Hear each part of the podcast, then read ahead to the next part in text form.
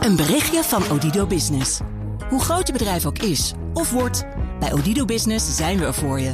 Met unlimited data en bellen en met supersnel en stabiel zakelijk internet. Ook via glasvezel. Ontdek wat er allemaal kan op odido.nl/slash business.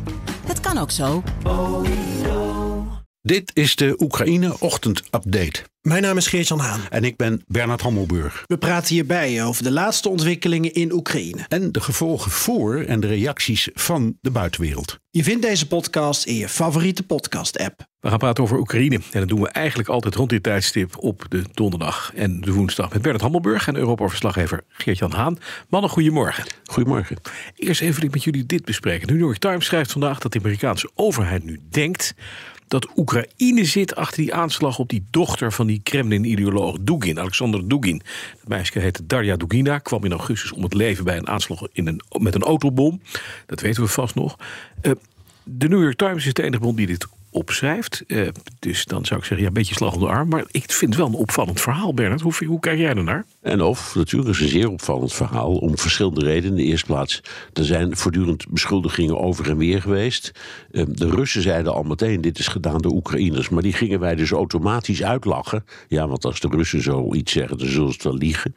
Uh, maar ze blijken gewoon gelijk te hebben. Het is bevestigd door goede bronnen aan de New York Times. Maar inderdaad, we moeten een slag om de arm houden. Want de New York Times is onze enige bron. Ja. Maar goed, het is een, een, interessant verhaal om verschillende redenen. Dus wat ik ook uh, belangrijk vind, is dat je even een, een, een, dat Oekraïne een tikje minder heilig wordt hè, ja, door, door, door dit verhaal. Uh, ook zij zijn tot dit soort dingen in staat. Uh, en uh, ja, we hebben de, neiging om ze alleen maar te zien als slachtoffers die dan heel dapper terugslaan tegen veroveringen.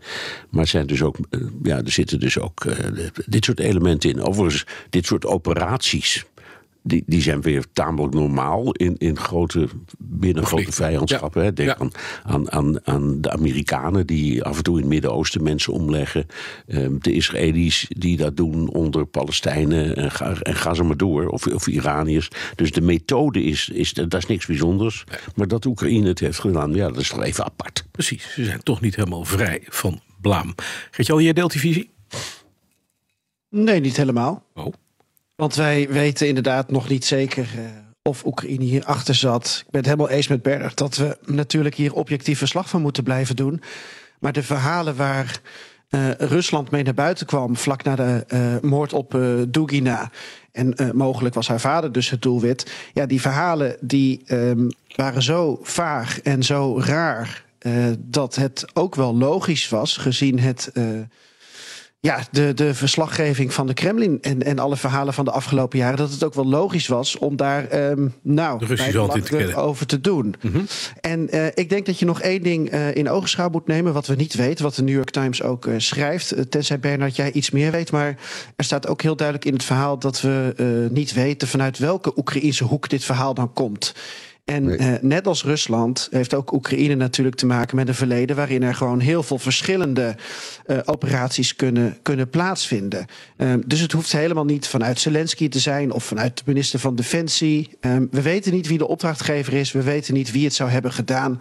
Um, het kan iemand zijn die het op eigen houtje heeft gedaan. Al dit soort dingen zijn uh, op dit moment nog ongewis. Okay. Ja, dat is waar. Maar het zijn in afval, dat denk ik wel. Ik denk dat de New York Times er gelijk in, in heeft dat het Oekraïners zijn geweest. Maar van welke uh, doelgroep, van welke uh, bloedgroep, dat weet ik ook Dat weten we niet. Nee, nee. dat ze inderdaad niet allemaal, dat niet iedereen heilig is in zo'n conflict. Dat mag duidelijk zijn. Dan gaan we eventjes naar Oekraïne. Blijft gaten slaan in de Russische defensie. Uh, op dit moment hebben we zagen dat, dat Poetin de decreten getekend heeft. De annexaties eigenlijk heeft getekend. Maar ja, de grenzen, het grensbereik van die annexatie is nog niet helemaal duidelijk. Want ja, de Oekraïners zetten door. Gert-Jan, wat is de laatste stand zaken?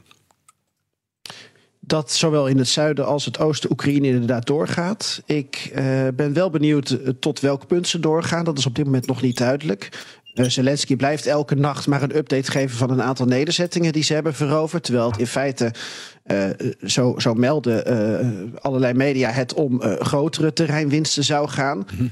Heeft ook te maken met dat in het zuiden, um, ja, daar is het wat, wat vlakker, is het minder bebost. En daar kun je dus ook wat verder oprukken.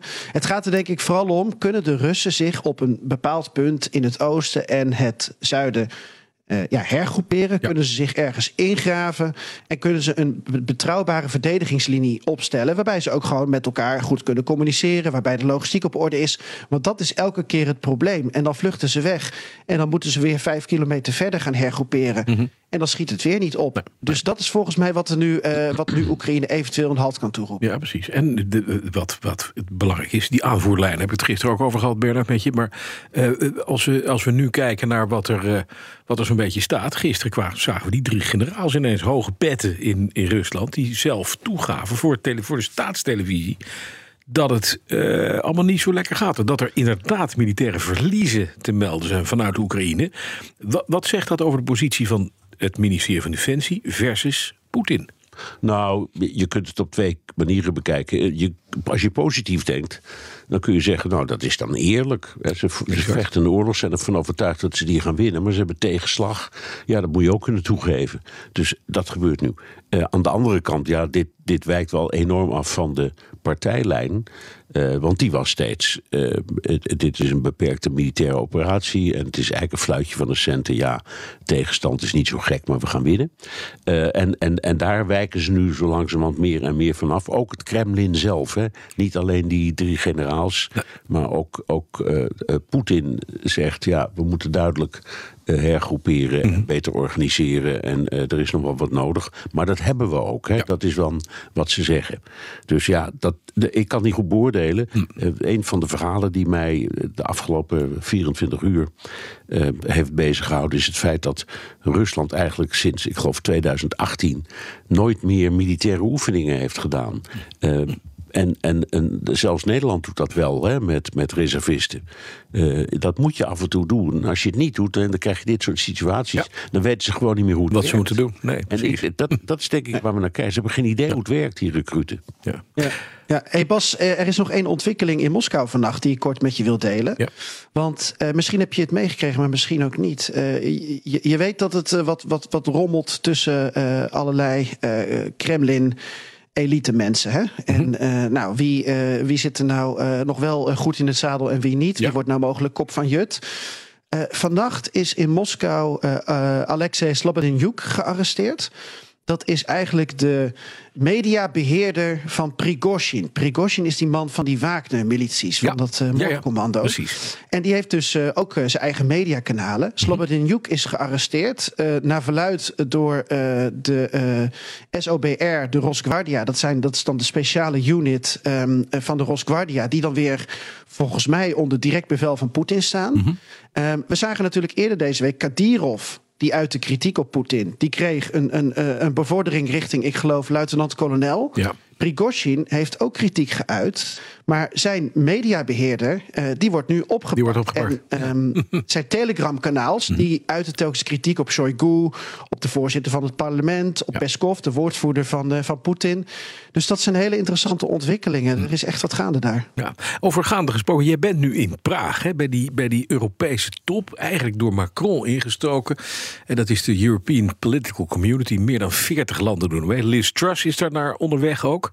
Uh, en uiteraard is dat in relatie tot de Oekraïne niet onbelangrijk dat die landen daar bij elkaar zitten. Wat mogen we daar verwachten? Want er is één uh, fractie in Europa die zegt een beetje lacherig van ja, dit is het vehikel wat meneer Macron probeert op te tuigen. Dat wisten we ook al, hè? een soort Europa Plus, een Europese Unie Plus. Mm -hmm. En er zijn mensen die zeggen nee, die moet je echt rekening mee houden. Wat, wat, wat zie je gebeuren daar? Nou, wat we vandaag denk ik gaan zien is dat, uh, en dat is denk ik het belangrijkste. Uh, tuurlijk, je kunt het als een soort praatclub zien. Maar het is een praatclub waar uh, bijna alle landen van Europa, van wat wij nu het vrije Europa noemen, voor zijn uitgenodigd. Daarom is er bij Liz Truss ook op aangedrongen om toch te komen, want dat wilden ze eerst niet. En het idee is dat je nu dus echt een keer naar elkaar luistert. Klinkt heel suf, maar de EU is een ongelooflijk dichtgetimmerd bureaucratisch orgaan. En uh, al die tijd, al die jaren hadden met name de, de landen in het oosten van Europa en het zuidoosten van Europa het idee van ja, we zeggen wat, we roepen wat, maar jullie luisteren niet daar in Brussel of Berlijn en, uh, en Parijs. Hm. En dus nou ja, als er uh, Russen zijn die willen investeren, prima, of Chinezen die willen investeren, prima. Kom maar op. Dus ik denk ja. dat dat het allerbelangrijkste signaal is. En het gaat dus niet eens om beleid, het gaat om een beetje goed koffie met elkaar drinken ja, en een precies. beetje respect voor elkaar hebben. Een open oor. Ja.